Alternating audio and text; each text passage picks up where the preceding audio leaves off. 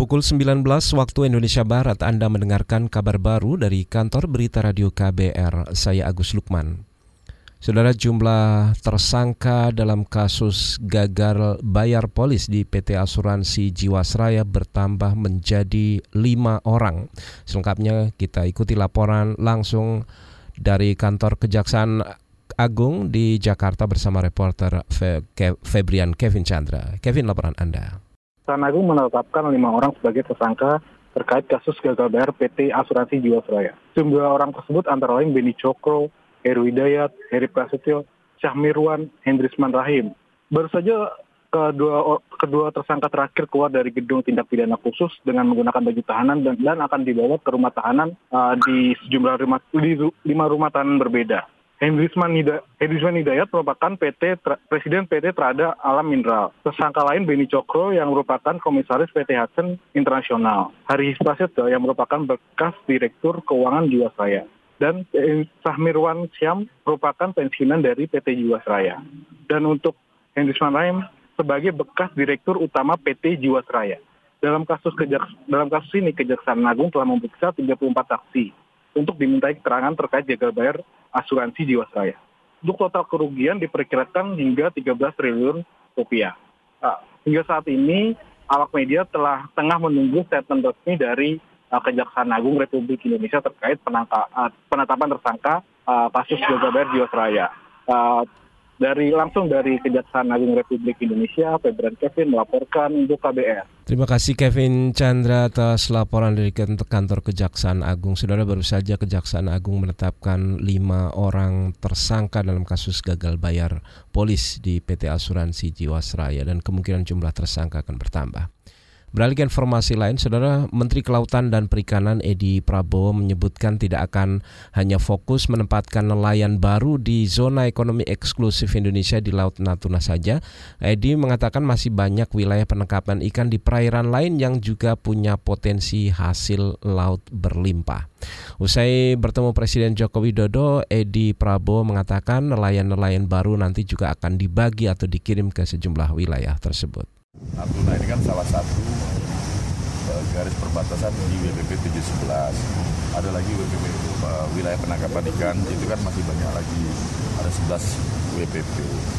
Dan Natuna ini termasuk paling kecil uh, potensi ikannya dibandingkan daerah lain. Makanya kita, kak saya uh, melaporkan juga kita kami akan juga di yang lainnya apa kita nggak mau terpancing, jangan terlalu terpancing di sini. Menteri Kelautan dan Perikanan Edi Prabowo mengatakan kapasitas perairan Natuna hanya bisa menampung sekitar 700 ribu kapal nelayan. Sedangkan saat ini kapal nelayan yang mendapat izin untuk berlayar sudah melebihi kuota.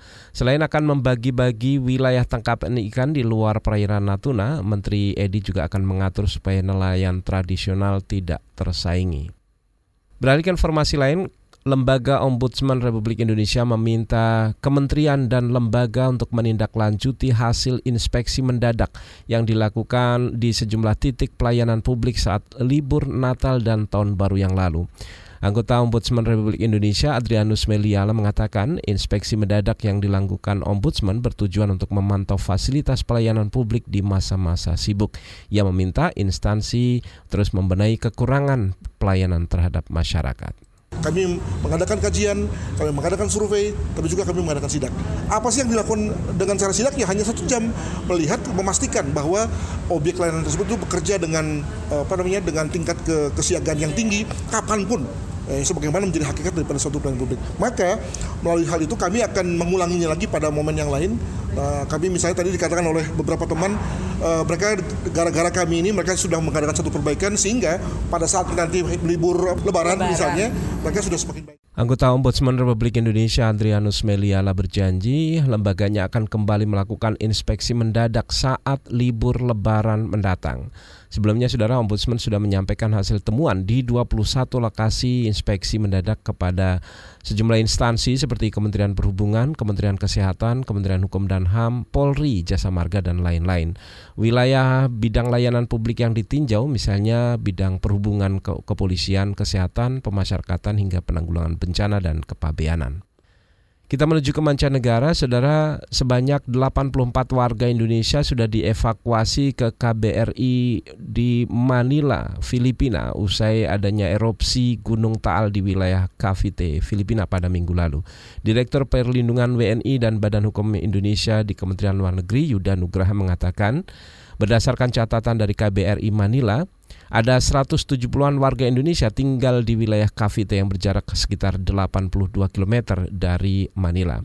Tidak semua WNI dievakuasi ke KBRI karena daerah wajib evakuasi hanya berada dalam radius 10 km dari Gunung Taal.